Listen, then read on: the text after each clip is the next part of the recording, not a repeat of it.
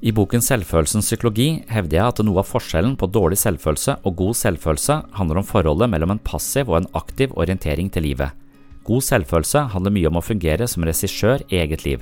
Det betyr ikke at mange mennesker ikke lider som følge av ulykker, uheldige omstendigheter eller andres ugjerninger. Vi er selvfølgelig ikke ansvarlige for alt som skjer med oss. Noen ting har vi kontroll på, og andre ting kan vi ikke kontrollere. Dersom man setter seg selv som ansvarlig for ting som ligger utenfor egen kontroll, vil man risikere egen selvfølelse fordi man til syvende og sist ikke klarer å leve opp til forventningene. Dersom man nekter ansvar for de tingene som faktisk er innenfor egen kontroll, vil man også ofre egen selvfølelse. Psykisk sunnhet og god selvfølelse handler i så henseende om å vite hva som er og ikke er opp til oss selv.